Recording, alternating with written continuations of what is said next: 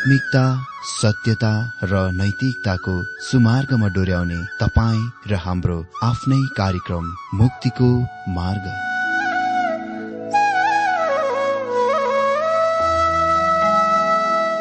आदरणीय श्रोता यस मुक्तिको मार्ग कार्यक्रममा हार्दिक स्वागत छ आशा छ यस आत्मिक कार्यक्रमद्वारा जीवनमा आत्मिक आशिष अलौकिक शान्ति र आनन्द प्राप्त गर्नुहुनेछ।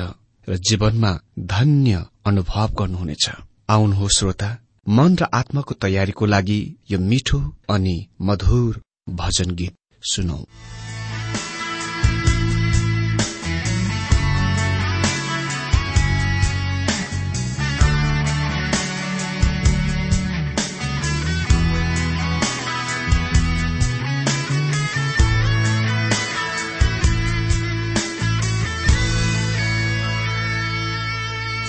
जतिन्जेल रहन्छ सास मेरो। नमरोस् तृष्णा मेरो कहिले। जतिन्जेल रहन्छ सास मेरो। नमरोस् तृष्णा मेरो कहिले।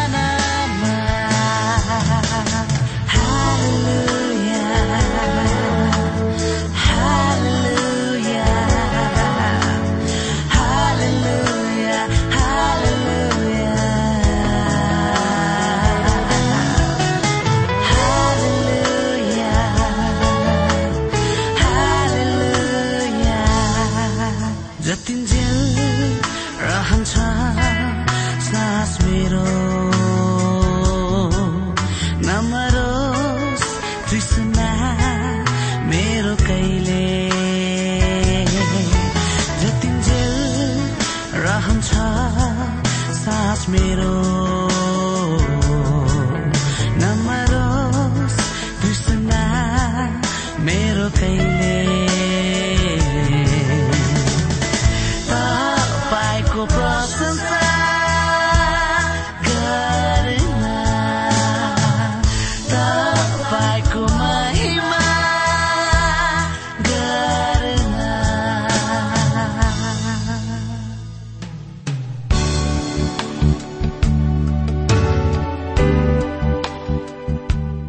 श्रोता यो प्रसारण मार्फत यो अवगत गराउन चाहन्छौ कि प्रभुको सेवाको लागि यहाँहरूको साझेदारी नित्यन्त आवश्यकता छ।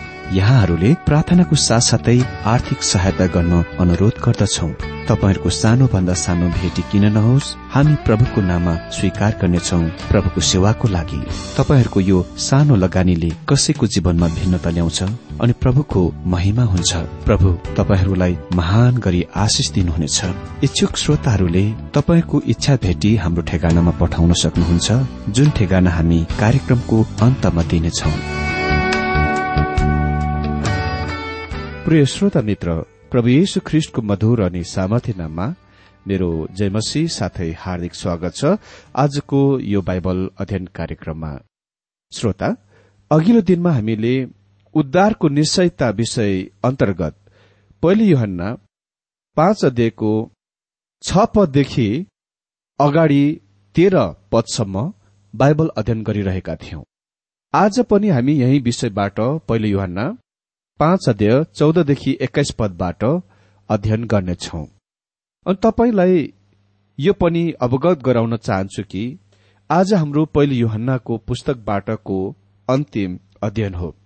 अनि आशा गर्दछु तपाईँहरूले यस पुस्तकबाट धेरै आत्मिक आशिषहरू पाउनुभयो।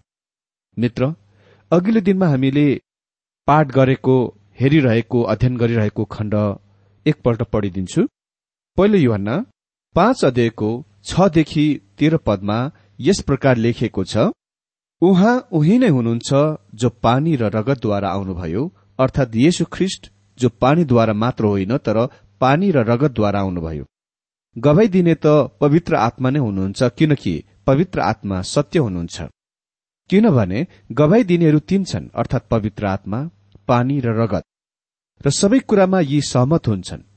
यदि हामी मानिसको गवाई ग्रहण गर्छौं भने परमेश्वरको गवाई झन उच्च छ किनकि यही नै परमेश्वरको गवाई हो जुन गवाई उहाँले आफ्नो पुत्रको विषयमा दिनुभएको छ। जसले परमेश्वरको पुत्रमा विश्वास गर्छ त्यसको हृदयमा यस कुराको गवाई हुन्छ। परमेश्वरमा विश्वास नगर्नेले उहाँलाई झुट तुल्याएको हुन्छ किनकि परमेश्वरले आफ्नो पुत्रको विषयमा दिनुभएको गवाईमा त्यसले विश्वास गरेको हुँदैन। गवाई चाहिँ यही हो कि परमेश्वरले हामीलाई अनन्त जीवन दिनुभयो र यो जीवन उहाँका पुत्रमा छ जससँग पुत्र हुनुहुन्छ त्यससँग जीवन छ। त्यससँग जससँग परमेश्वरको पुत्र हुनुहुन्न त्यससँग जीवन हुँदैन। तिमीहरूले अनन्त जीवन पाएका छौ भन्ने कुरा जान भन्ने हेतुले परमेश्वरको पुत्रको नौमा विश्वास गर्ने तिमीहरूलाई यो पत्र लेख्दैछु। त्यसपछि हामी अगाडि पहिलो युहन्ना पाँच अध्यायको चौध पद हेर्दै अगाडि बढौं।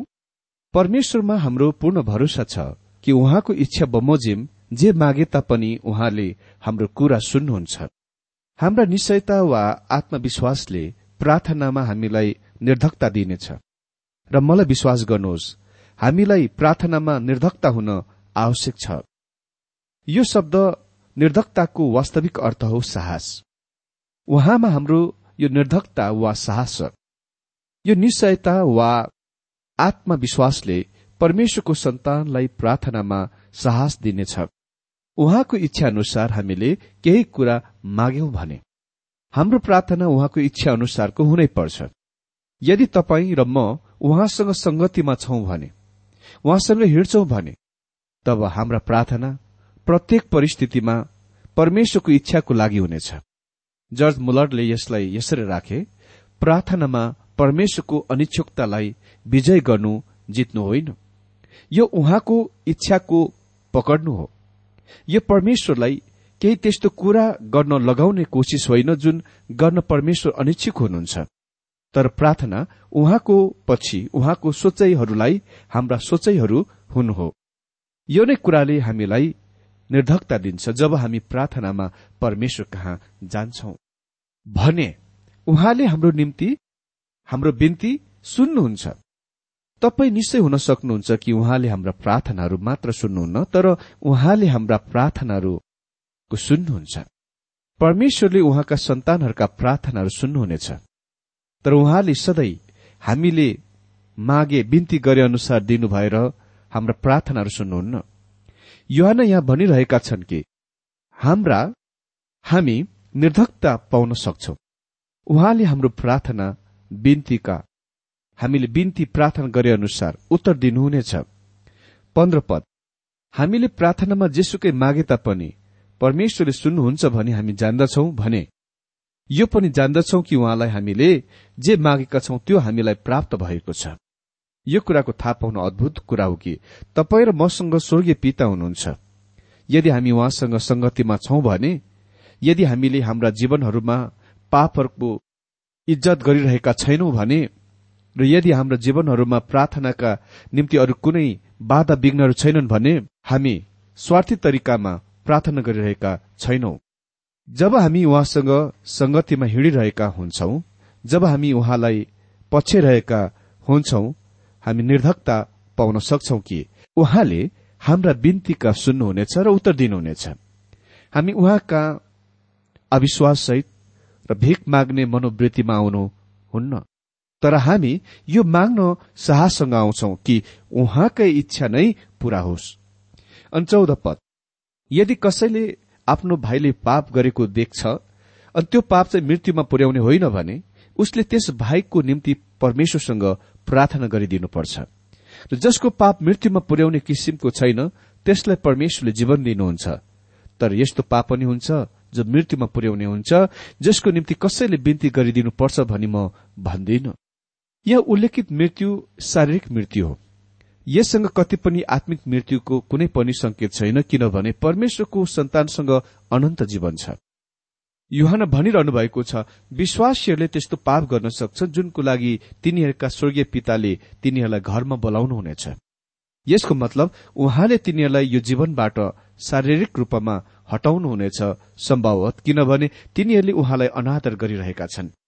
शास्त्रमा हामी केही ती मानिसहरूको बारेमा हेरौं जसले मृत्युसम्म पुर्याउने पाप गरेका छन्। मोसा र हारूनले मृत्युसम्म पुर्याउने पाप गरेका छन्। तपाईँलाई यादै होला मोसा रिसाए जब इसरायलका सन्तानहरूले पानीको लागि निरन्तर माग गरिरहे र परमेश्वरले उसलाई आज्ञा गर्नु भए अनुसार त्यस चट्टानलाई आज्ञा गर्नुको सट्टामा उसले त्यस चट्टानलाई दुईपल्ट लाठीले हिर्काए। उसले त्यस चट्टानलाई छुनु पनि हुँदैन थियो। त्यसको पहिले नै एकपल्ट हिर्काइसकिएको थियो र उनी त्यसमा आश्रित हुनुपर्ने थियो। चट्टान ख्रिस्टको रूपक र उदाहरण थियो।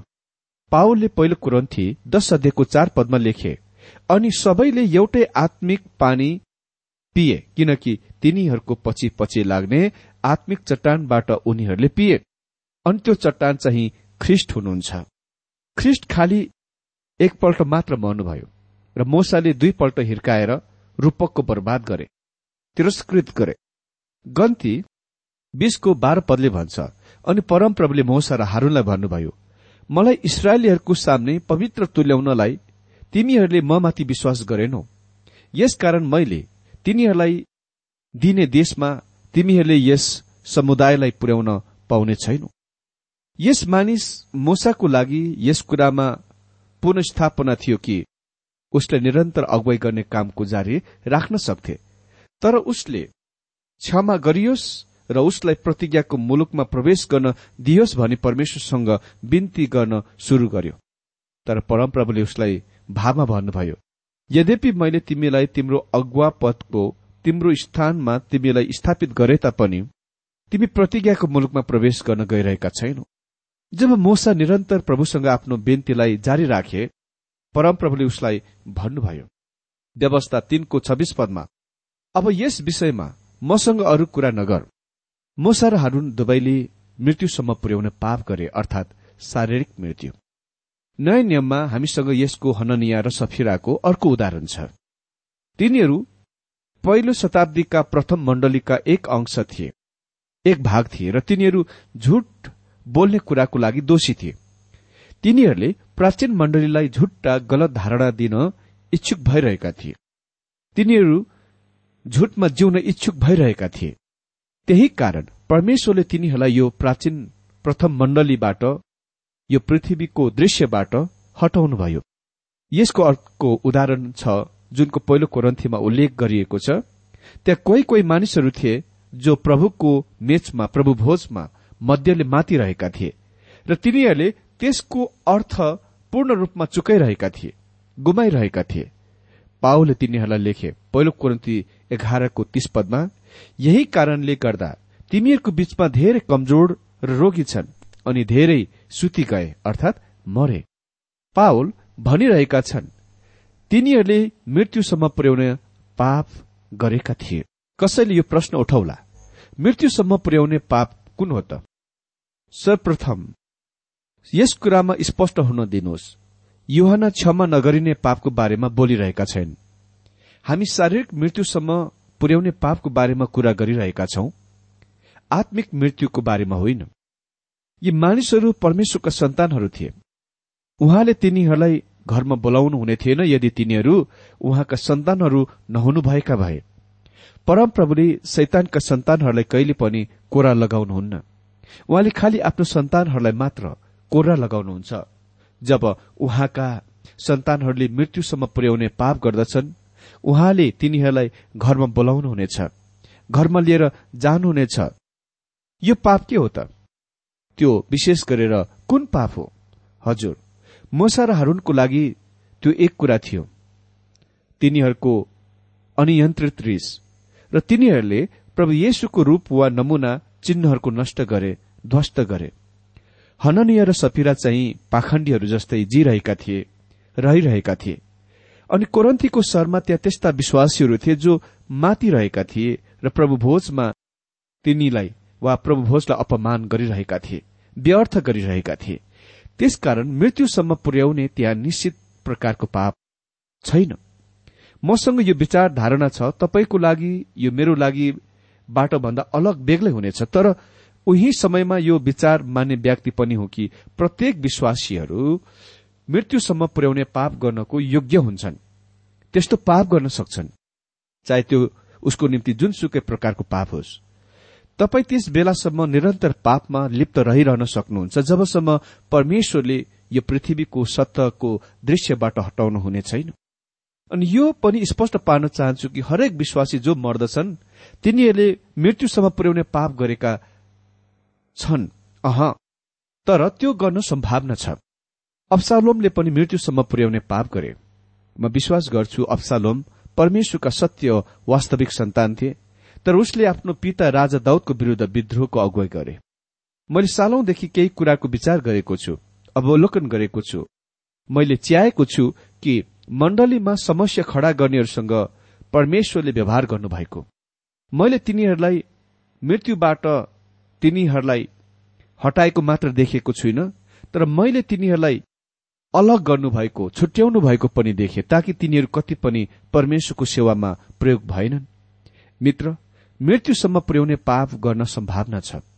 यो कुराको म दोहोऱ्याउँछु यो शारीरिक मृत्यु हो आत्मिक मृत्यु होइन। म यसलाई एक नमूनाद्वारा स्पष्ट पार्न चाहन्छु।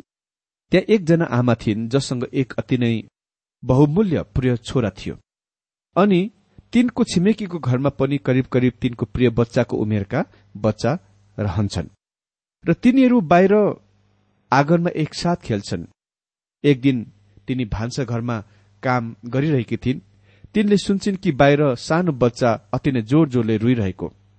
अनि बाहिर कुद्दै आइन् र बाहिर हेरिन् र त्यहाँ तिनको बहुमूल्य प्रिय छोरा अर्को छिमेकीको घरको सानो केटामाथि चढेर पिटाई गरिरहेको थियो।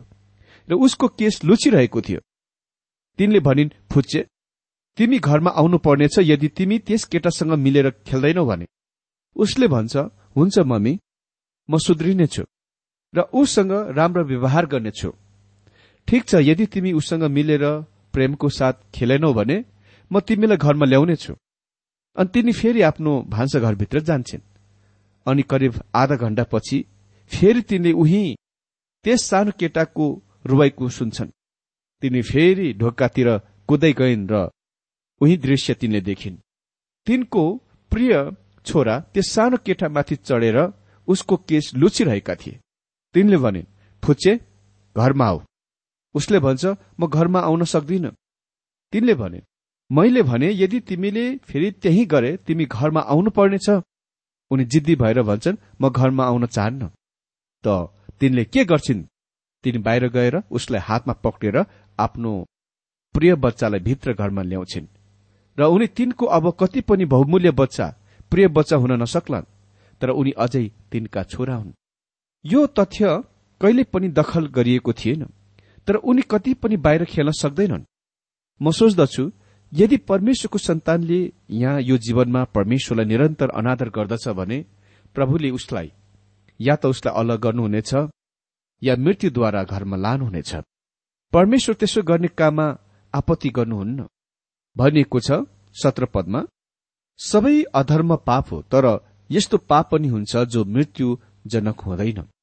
आफ्ना जीवित रहने विश्वासी सबैले पाप गरेका छन् तर हामीले आज जीवित रहने विश्वासी सबैले पाप गरेका छन् तर हामीले मृत्युसम्म पुर्याउने पाप गरेका छैनौं। हामीले अधर्मी गलत काम गरेका थियौं तर परमेश्वरले हामीलाई घरमा लानु भएन। यदि उहाँले पाप गर्ने प्रत्येक विश्वासीहरूलाई घरमा लानु भए मलाई धेरै लामो समय पहिले घरमा लगिसकिने थियो। स्वर्गीयमा बोलाइने थियो। अनि अठार पदमा परमेश्वरबाट उत्पन्न भएको कसैले पनि पाप गरिरहँदैन तर परमेश्वरको पुत्रले त्यसलाई सुरक्षित राख्नुहुन्छ र दुष्टले त्यसलाई छुँदैन।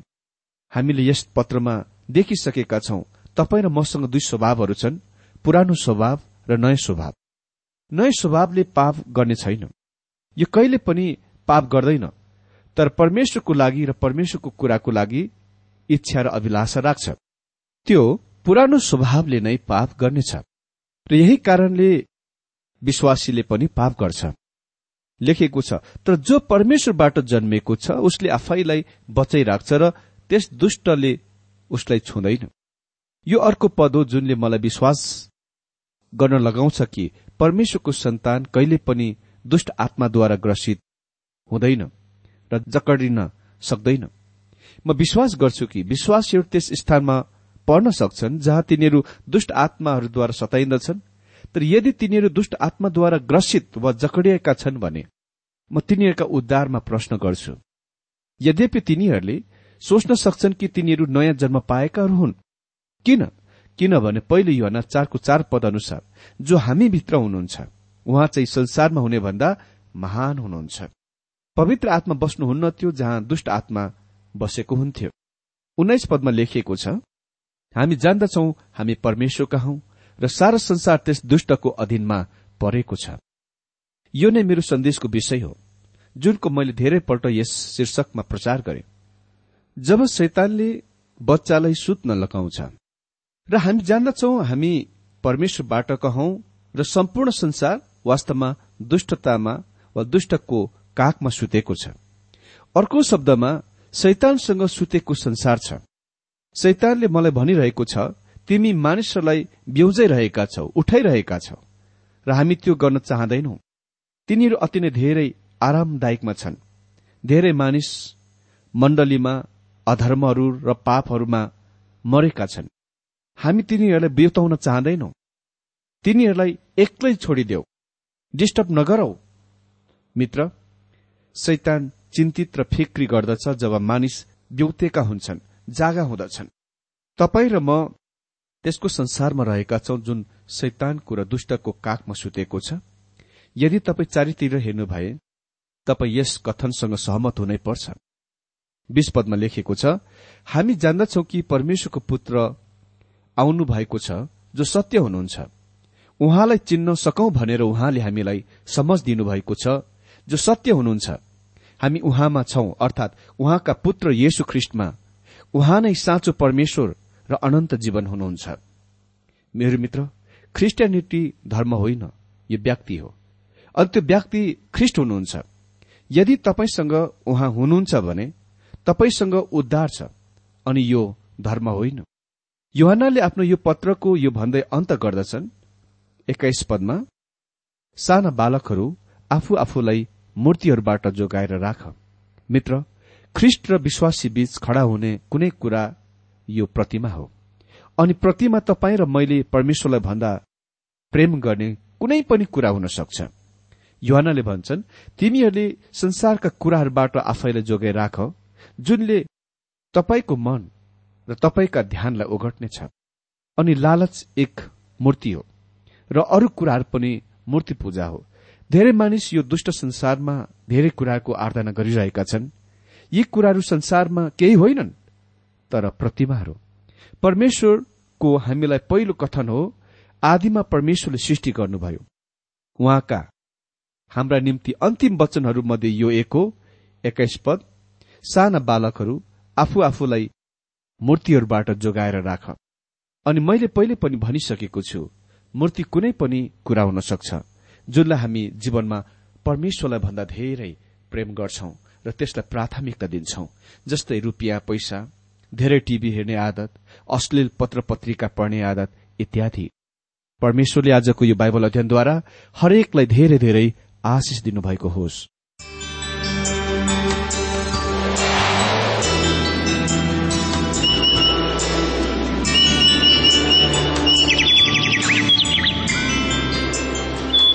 प्रिय श्रोता अहिले भर्खरै तपाईँले टीडब्ल्यूआर नेपालद्वारा सञ्चालित आत्मिक कार्यक्रम मुक्तिको मार्ग सुनिरहनु भएको थियो। श्रोता आजको यो कार्यक्रम सुनेर तपाईँलाई कस्तो लाग्यो? यदि यो कार्यक्रम सुनेर मनमा कुनै खुल्दुली वा कुनै प्रतिक्रिया अर्थात सुझावहरू छन् भने हामीलाई पत्रद्वारा लेख्न सक्नुहुनेछ।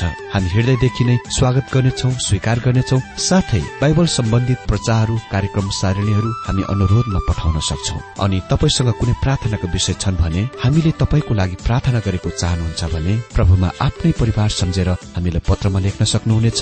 तपाईँको लागि हामी प्रभु येशुसँग प्रार्थना गर्नेछौ। अधिक जानकारी र पत्रचारको लागि हाम्रो ठेगाना यस प्रकार छ। कार्यक्रम मुक्तिको मार्ग जीपीओ नम्बर उनानब्बे पचहत्तर इपिसी पच्चिस एकसठी काठमाडौँ। ठेगाना एकपल्ट सुन्नुहोला कार्यक्रम मुक्तिको मार्ग जीपीओ नम्बर उनानब्बे पचहत्तर इपिसी पच्चिस एकसठी काठमाडौँ। हाम्रो इमेल एड्रेस हो TWR Nepal at Yahoo dot com साथै यस नम्बरमा एसएमएस गर्न सक्नुहुनेछ अन्ठानब्बे चार सत्तरी पैतिस छ सय उनासी नौ आठ चार सात जिरो तीन पाँच छ सात नौ। हुन्छ श्रोता आजलाई हामी विदा चाहन्छौ। अर्को कार्यक्रममा हामी पुनः भेट्नेछौ तबसम्मलाई नमस्कार।